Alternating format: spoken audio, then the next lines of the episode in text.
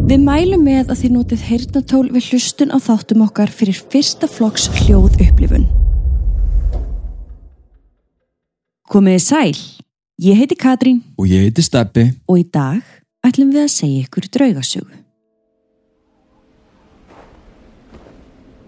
Ingimundur landnámsmaður var einn á gangi þegar dag tók að rökkva og hann kom auga á nokkuð hreyfast við ísilagt vatnið.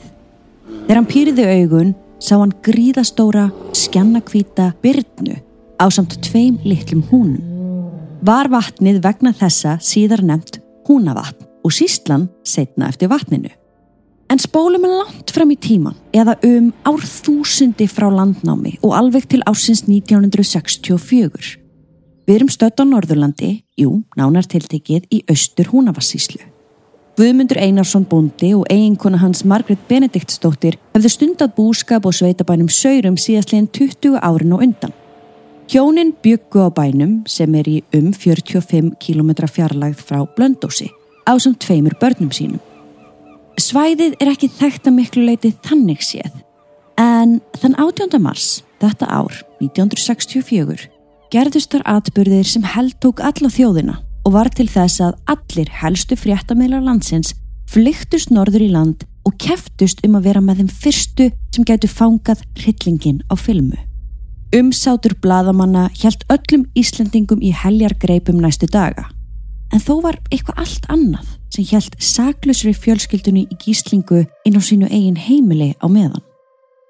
Málið er enn ferst í minningu margra og mætti hreinlega nefna það hið íslenska Enfield mál en flestir muna kannski betur eftir því sem undrin á saurum.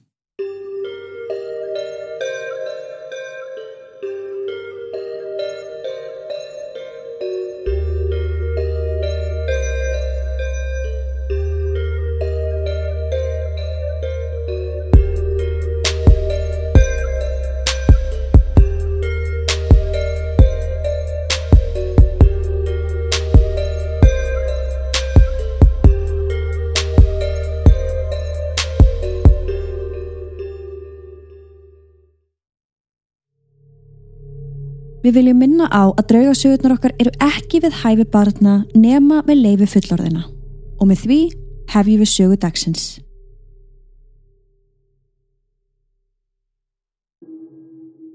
Þessi þáttur verður með svolítið öðruvísi sniði en vanalega stefi. Herði, það er rétt. Í þetta skiptið ætla ég svo litið að segja þér söguna. Mm -hmm. Eila í rauninni bara því ég er búin að sökka mér svo mikið voni í þetta. Já, það er rétt. En við einmitt vörðum kynnslóðuna við í síðustu mínisögu. En þetta verður svolítið svona aðeins lauslegra og ég vona að það sé í lægi. Þetta verður meira spjall og ég er svolítið spennt af því að senustu daga, nei, senustu vikur öruglastepi, Já, þá ert þú búin að vera að minnast á þetta mál svona af og til og ég er búin að sjá þig svona inn á skrifstöðu með einhverja svona gamlar bladagreinar þú ert alltaf að skoða og lesa eitthvað og þú ert alltaf að segja mér svona bút og bút. Já, já. svona einhvern veginn bara í, í, í hennu daglega lífi. Þannig ég er alveg pínu spennt að þú bara komir mér og hlustendum inn í þessa sögu nú fyrir fullt og allt. Já, takk fyrir. Takk fyrir Og ég held að sé alveg nöðsynlegt að því þetta er mál sem er á kaliberi sem við ættum að minnast á. Já, En eins og með margar íslenskar sögur þá er þetta einstaklega vand með farið mál og við munum fara engar varlega í hlutina í þessum þætti en það eru börn og barnabörn og fleiri sem að gætu tengst málinu. ah, ég skil Við munum bara nafngreina hjónin í þessum þætti þó annara heimilismanna hafa samt oft komið fram því þau voru oftið tals við fréttamenn á sínum tíma og þaðan byggjum við flestar okkar heimildir í samræmi auðvitað við vittnisspurði og svo framvegis. Já, það var svo mikið skrifað um þetta í íslenskum fréttum ekki sagt alveg stanslaust. Börnin munum við ekki nefna á nafn og hvetjum við og krefjum hlustendur okkar til þess að bera virðingu gagvart þeim sem að gætu tengst þessari frásögn og verðt er að taka fram að skoðanir okkar í þessum þætti eru byggðar á faglegri þekking okkar á málefninu og sem fyrr vitnisspörðum og skjálfestum heimildum. Það er bara þannig að við berum okkar fylstu virðingu til málsins eins og fólk veit og að öllum hlutegandi. En að því sögðu, Að því sögðu þá er ég með kort hérna fyrir því að því þú ert svo rosa döglega í landafræði. Ég er svo hryllilega slæm í landafræði En hérna eru við sem sagt þessi rauði punktur á Íslandskortinu okkar. Mhm. alveg á tánni þar þar er blöndós og aðeins lengra upp er bærin að saurum það er Ok. ekkert þarna Þetta er bara sveitabar. þetta er bara sveitabær og eins afskektur og hann verður á Íslandi Er þetta ennþá sveitabar í dag? já, en sem sagt þessi torfbær sem við ætlum að fara aðeins í Ok.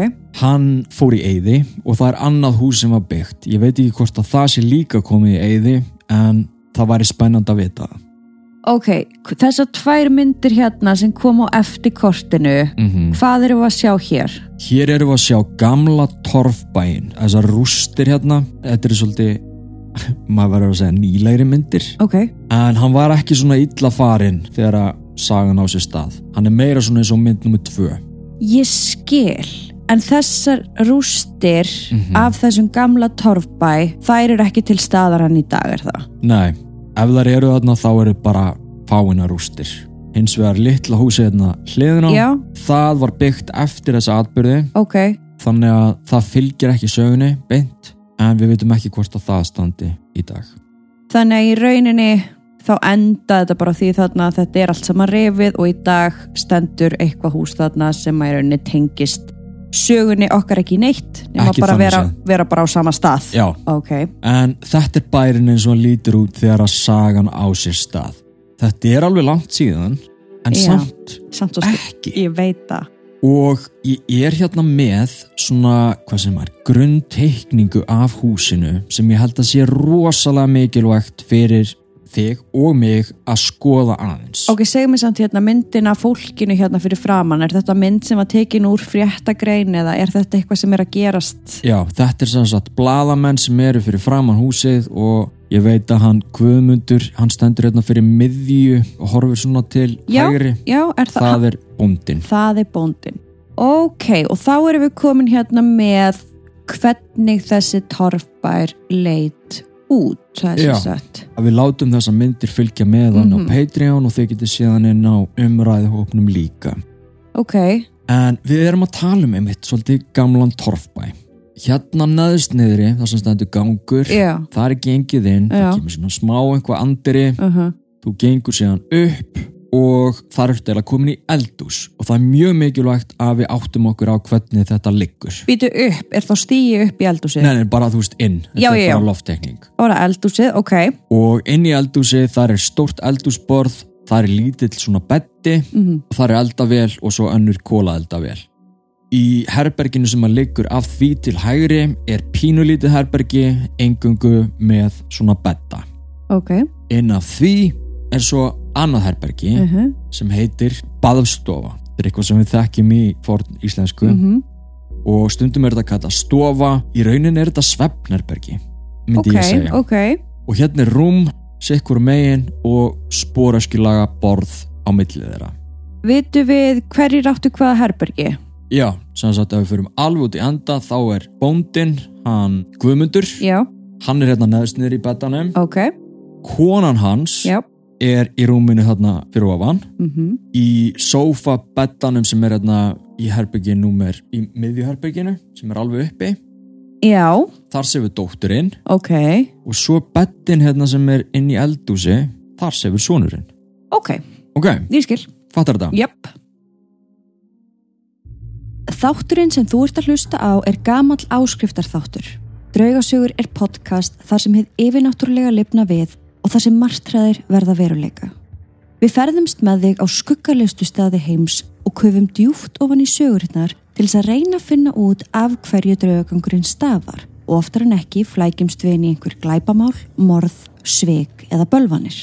En ekki halda við séum engungu að tala um drauga. Við höfum virkilega gaman á sögulegum staðrendum og skjálfestum heimildum. Í hverjum þætti spólum við tilbaka til fortíðar. Því eins og við segjum alltaf, það er nöðsilegt að þekkja söguna út og inn áður en maður fyrir að greina hvers konar reymleiki er þarna á sveimi. Erum við að fást við vitsmunalega anda, poltergeist, residual eða endurtekna orku? Og hvað þýðir þetta allt saman? Hvernig þekkjum við munin?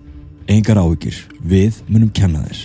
Við bjóðum upp á þrjár áskriftarleiðir inn á Patreon og inn á Spotify. Vinstælasta áskriftarleiðin okkar er draugasögu kynnslóðin inn á Patreon, þar sem þú farið mínu sögu á mánudögum og áskriftasögu í fullri lengd á miðgudögum.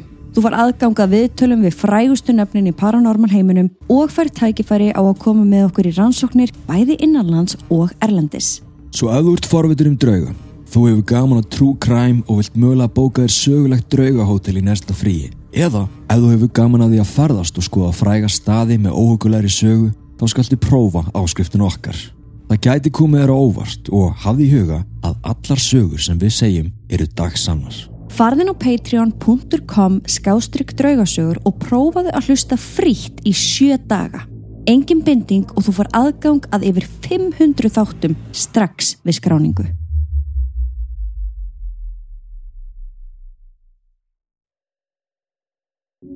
Bærin er á steinstiftum grunni, aðeins nokkru metrum frá ísköldu norður Allandsafinu.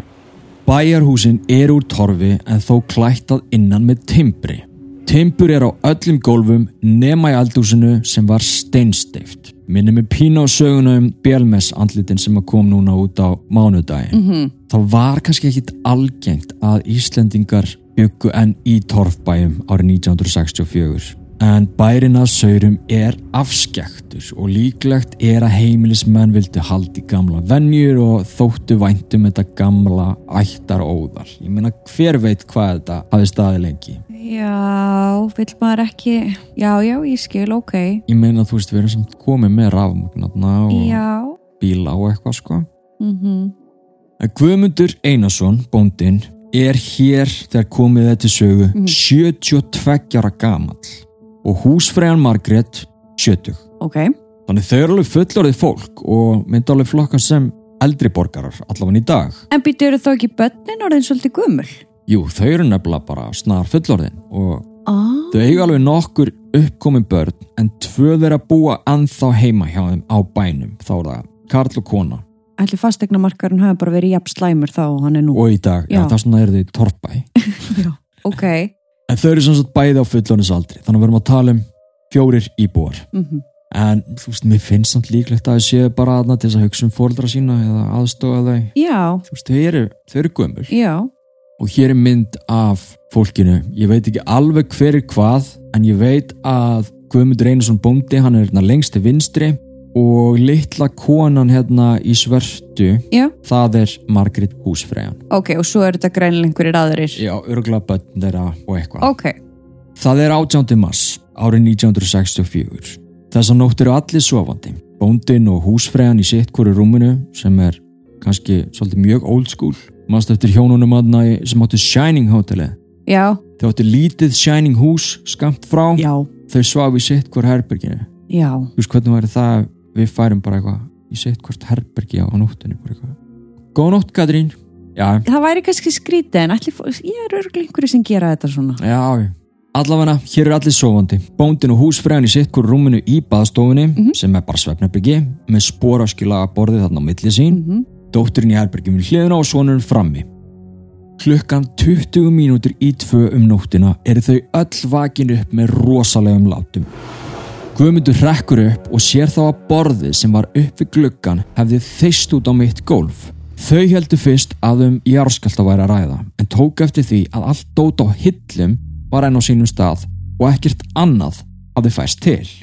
Og hér erum við með mynd af þessu borði. Ok, Það er rétt að taka fram að borðið er svona 1,20 á lengt og vegur alveg alls 20 kíló.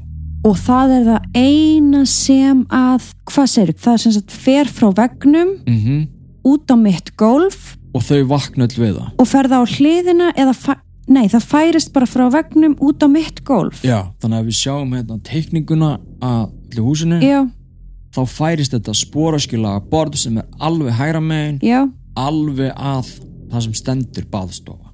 ok, Þetta er töluverð fjarlægð, sko. þetta er skrítið og vakna allir við þetta. Það vakna allir við þetta og ég meina eðlilega þá bræður þeim öllum. Mm En ég meina, hvað gerir maður þetta?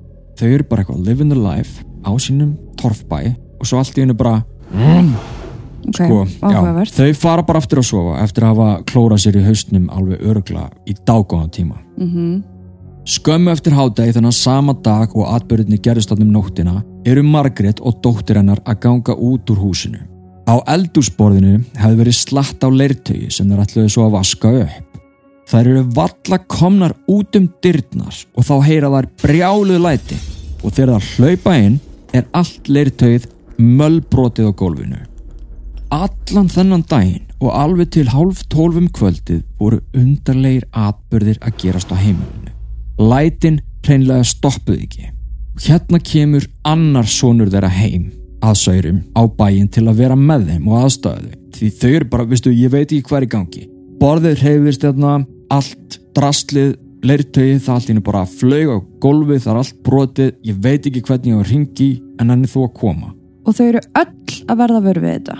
Öll, Allir heimilismenn? Allir með tölu. Ok, næstu nótt, klukkan 20 mínútur yfir fjögur vöknuðu allir heimilismenn við sömu lætin og nóttina áður og var þá sama spóröskilaga borðið aftur komið út á mitt gólf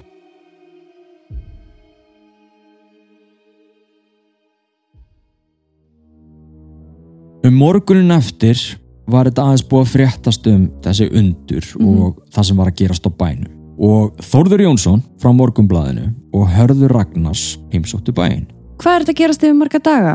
Við erum ekki komið þáka, en þeir eru Ok. komnir þarna gæðin frá mokkanum á degi tvö. Já, ég er að spá í því sko, býti á degi tvö þannig að þau eru greinilega búin að segja einhverjum frá þau Já. eru búin að tala um þetta greinilega ekki feimið með það Nei, en þau eru skítrætt.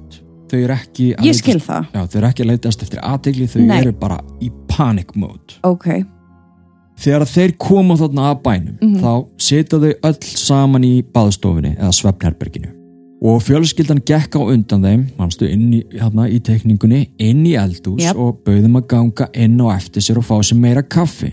Þórður og Hörður gengu síðastir út úr þessari baðstofu. Um leið heyraði mikið læti og þá flaug blessa borðið aftur út á mitt gólf. Hættu og þeir verða vitni af þessu. Já, þau hlöpu öll aftur inn í herbergið og jú, borðið hafði færst um rúman meter fram á gólf. Er það alltaf að enda á sama stað? Ég svipuðum stað, stundum fyrir aðeins lengra, en hérna er þetta búið að gerast þrívegis. Og það fer aldrei á kvolf, það bara færist Það bara færist. mm.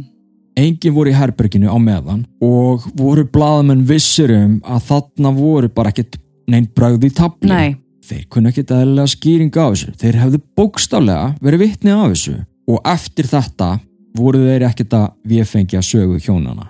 Þeir voru í alls þrjár klukkustundir þarna inn á bænum með fjölskyldinu. já, en af því að þú segir þau eru að fara að ganga inn í eldús, þau eru að fara að fá sér kaffi þeir eru seinastir út úr baðstofinni Já, það hefði rauninni ekki verið hægt að þetta er 20 kíló að borð Já. þú ert ekki að taka spotta og toga það já, þeir gáta ekki fundin en eðlilega útskýring á því af hverju borðið færðist Nei. ég meina ok, Þeir- þeir voru vitni, sko. þeir eru það vitna af þessu. Síðar um kvöldið þá fær þessi Þórður Blaðamaður símtal frá fólkinu á Saurum sem sögðu að næstu klukkustundirnar á eftir, þegar eftir þeir voru farnir. þegar þeir voru farnir Já. þá hefði eldúsborðið fæst tvisvar til á sjálfu sér og borðið inn í herbergi einu sinni. Þetta er bara full on poltergeist. Yes ma'am. Þau voru logandi hrætt og skelvingulostin öll sömul. Oh,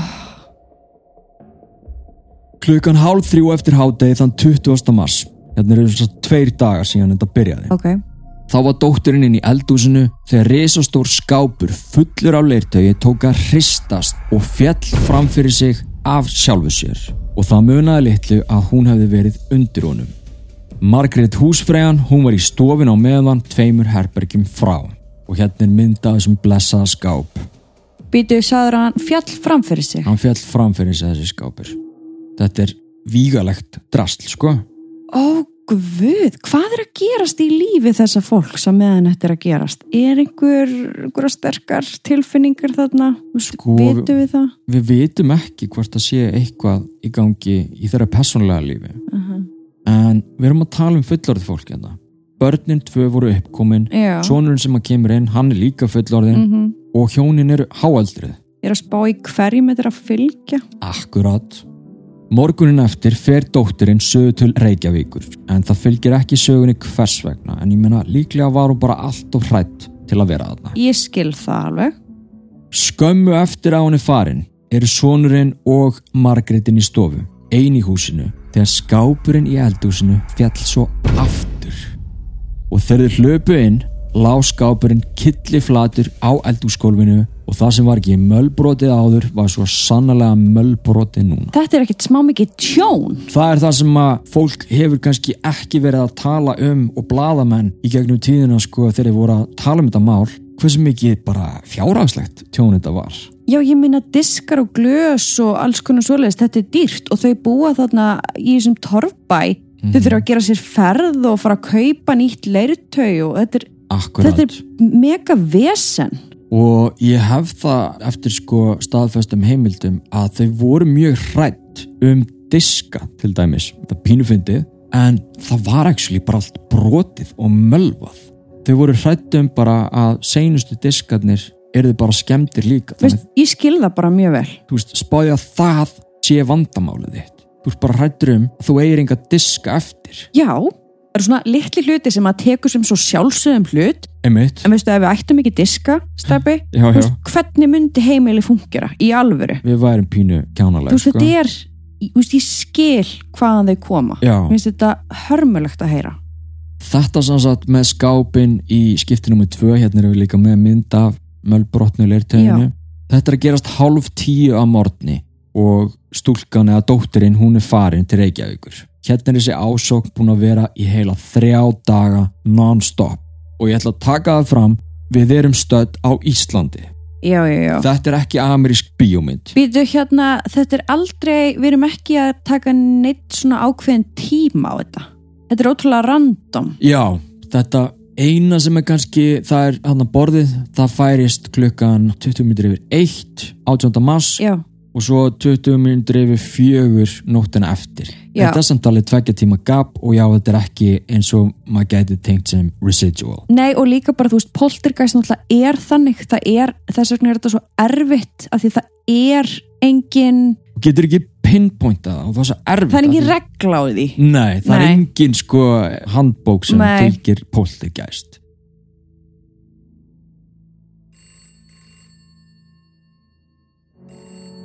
Eftir þetta stoppaði ekki símin hjá þeim og fjöldin allra bladamönnum umkringdu heimilið þeirra hjóna og margir ókunnugir úr nærlegjandi sveitum. Oh sko fólkið er ekki búið að sofa neitt að ráði og það er engin friður. Þau voru svo hrætt þau voru svo, svo þreytt mm -hmm. og þetta var bara eitthvað ásókn sem að þau gátt ekki fyllilega útskýrt þarna var þessi fólki engin verðing borin og tillitsemin var engin. Fólk ætlaðist bara til að fá að koma og fá að sjá og taka myndir já, þetta er bara dýragarður og nú bara megum við sjá bara þetta sem eru að tala um. En þau eru bara skítrætt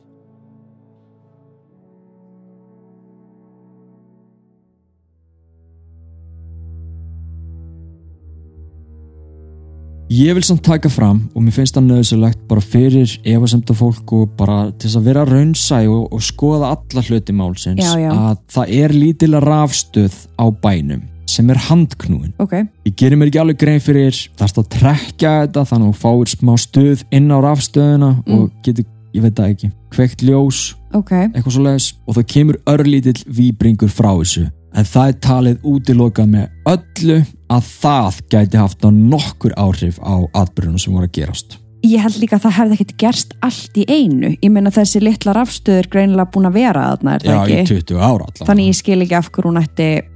Ég, ég menna, ok, kannski hún bilar og það kemur eitthvað þannig. En, en þetta er samt... Nei. Nei. Nei, mér finnst það ekki. Það allan var talið alveg útilokað. Var útilokað það alveg bara? Já, var á, 100%. Já, okay. En það er gott að taka. Já, já, algjörlega. Hérna er stjórn Sálaransóknarfélagsins í mm. bænum. Þau heldur fundi og eitthvað og taldi að það væri tími komin að grýpa inn í. Okay.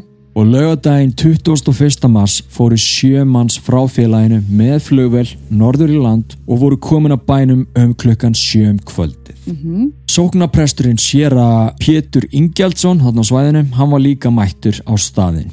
Á þessum tíma var Guðmundur Kjartansson jarfræðingur, hann var líka búin að koma með einhverja jarskjöldamæla og búin að útloka það hefur verið málið.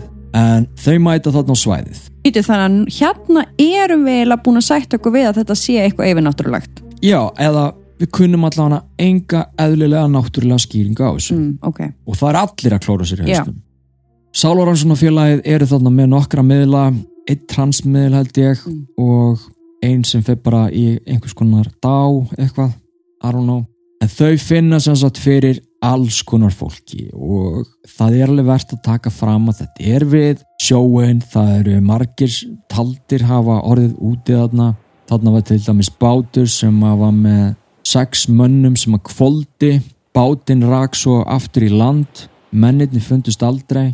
Svo var þessi bátur gerður upp og sá maður sem fór á honum, hann dó líka það er talið að einhverju spánverjar hafi látið lífið og það var líka einhver spænskur þýðandi sem kom líka þarna að saurum Já, það? til að reyna að tala við þessa spænsku drauga ef þeir værið þarna Og voru þeir hana? Já, svo segir Sálarásunarfélagið en þau nefndu líka alls konar aðra anda sem að heimilisfólkið kannast við og líka sóknapresturinn. Nei. Jú, þetta var svona fólk sem hefði verið í sókninni þarna einhver staðar á svæðinu, sumt var nýlátið, aðri búin að vera dánir í fjölda ára. En býti nú við. Mm -hmm. Ef þeir ætla að meina mm -hmm. að Mhm. þarna séu andar sem eru að vera með sér læti, þá erum við ekki með poltergeist. Nei, en við þurfum samt að hafa í huga, sko, bara með fullri verðingu til Sálarannskunarfélagsins og þeir eru búin að vinna gjöfugt starf í tugi ára Mm. áður en þetta varð eitthvað. En við erum ekkert komin með poltergeist greiningu þarna, fyllilega, sko. Fólk veit ekkert hvað æsla draugur er, taka það endilega í sátt. Fólk heldur að þarna sé draugur og það sé bara einhver sem er viljandi að íta þessu. Það er svona það sem maður myndi halda í bíómynd. Áttu þá við að það sé ekki komið hérna á Íslandi, Já, poltergeist? allavega ekki svona jafn mikið talað um Nei. síðan meir. Ok, þannig að þeir sem koma þarna frá Sálarannskunarfélaginu og greinilega presturinn líka, Mhm. þau eru alls sammála um að þarna séu einhverjir andar, einhverjir andar sem að fjölskyldan kannast við og sem að Presturinn kannast við, og er ekkert að tengja við þessi bátsslis Já. og það séu þessir andar sem er að láta öllum íllum látum. já, og þau sem sagt eru að reynsa einhverjar orkustöðvar, quote, Mm. sem að hérna, ég veit ekki, kannski er þeir að skinja einhvers konar portals, ég veit það ekki, ég veit ekki hvort að það hefur verið kallað orkustöð árið 1964 en þeir eru allan að reyna að loka fyrir þær og einhvern veginn uh, láta aðra anda fara í ljósið og þeir voru staðráðin í því að kannski ekki taka ásóknina og það finnst mér alveg flott en reyna að draga úr henni Mm eins og máli, Já. róa þetta eins, ok. Þau kveðja svo eftir að hafa verið þarna í þrjár klukkustundir. Þetta minnir mig pínu á bara Conjuring húsið og Emeryville. Það voru undarlegi hlutir að gera svo kemur bara hópur af einhverju fólki, mm Mhm. fréttamiðlar út um allt. Það er bara haldin einhver miðilsfundur og allt verið cray. Já. Gerðist það núna? Nei, nema bara það voru tvö atvik. Það var ein kona miðill sem að taldi sig finna fyrir borðinu reyfast. Einn miðill, Hafsteinn heitir hann, Mm. honum fannst eins og einhver hafi gripið í handlegin á honum. Það voru einu svona physical áþreifanlegu atvikin sem að gerðist á meðan á þessu stóð. Þannig að þau urðu ekki vittni af neinu eins og bladamennir höfðu til orðið vittni af borðinu. Nei, ekki þannig. Hún Ó. sagðist bara að fundi fyrir borðinu Oh. og já, hann telur sig að einhver hafi gripið í sig. Ok, áhugavert. Áhugavert að þau fá ekki neitt að upplifa. Nei, Mm, ok. Þorir þú að kanna myrkrið sem liggur handan hulunar? Ertu forvitin um það yfirnáttúrulega? Kondu þá með okkur í leiðangur þar sem við ferðumst um myrkustu horn heims. Hver þáttur mun flytja þig inn í aðra vitt þar sem heimur okkar lifandi mætir heimi hinn að látnu. Við erum búin að vinna linnu lösta því að flétta saman ókveikjandi sögur hand ykkur og með fyrsta flokks hljóðgæðum sköpum við andrumsloft sem mun halda þér á tánum. leiðu okkur að vera partur af lífið þínu. Farðin á patreon.com skástrík draugasögur og prófaðu áskrift í sjö daga frítt. Engin binding og þú far aðgang að yfir 500 þáttum strax við skráningu.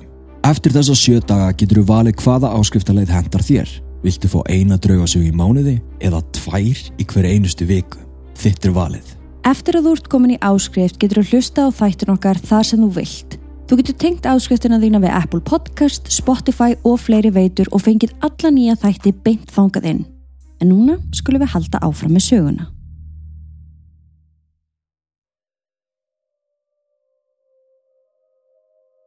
og annan mars á sunnudeginu, sem sagt daginn eftir heimsóknina, þá kemur Lára Ágústóttir miðill allarleið frá Akureyri og hún vildi bara líka hjálpa til Mhm.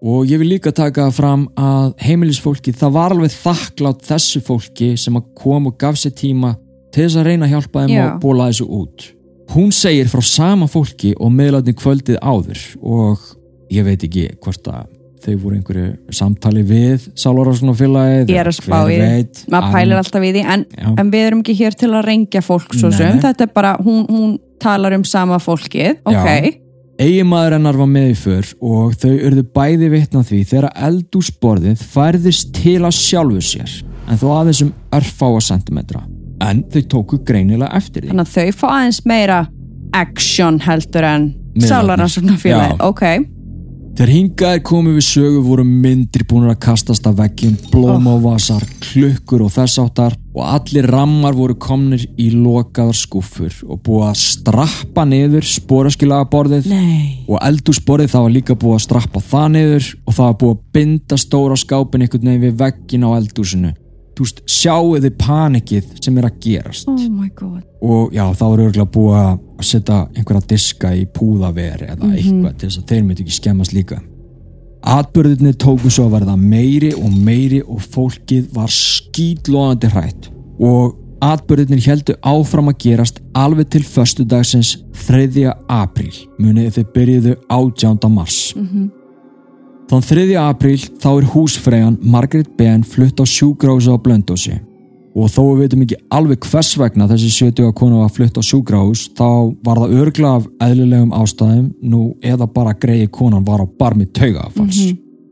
Hún lá á sjúgrásinu í rétt rúma viku og var fjölskyldan ekki vörfi neitt yfirnáttúrulegt í húsinu á meðan. bam bam bam Mhm. býta aðeins, má ég aðeins koma yeah. inn í endilega. fyrst, það lagast sem sagt ekkert eftir þessa miðla Nei, þetta heldur áfram. Þetta heldur áfram. Og eiginlega bara ágerist. vestnar Mm og svo er hún tekin út af heimilinu, hún Margaret og þá hættir poltergæsti Já, svolítið áhugavert. áhugavert, ok Já, höfum því huga. En það var samt ennþá rólegt eftir að hún kom heim. í hversu langan tíma sann Um miðjan apríl fóru hlutir aðeins að færast örlítið aftur til mm og var svo meira og meira og svipa þegar þetta allt saman byrjaði 18. mars. Býtu þannig að hún kemur heim. Já, það er ennþá rólegt, mm svo bara hversu lengi? Einhverja daga, byrjar aftur, byrjar eftir rólega og svo bara ógisla mikið. full force. Full force. Og skyndilega stoppuðum hins svo köllu undrin á saurum. Mm. algjörlega með öllu.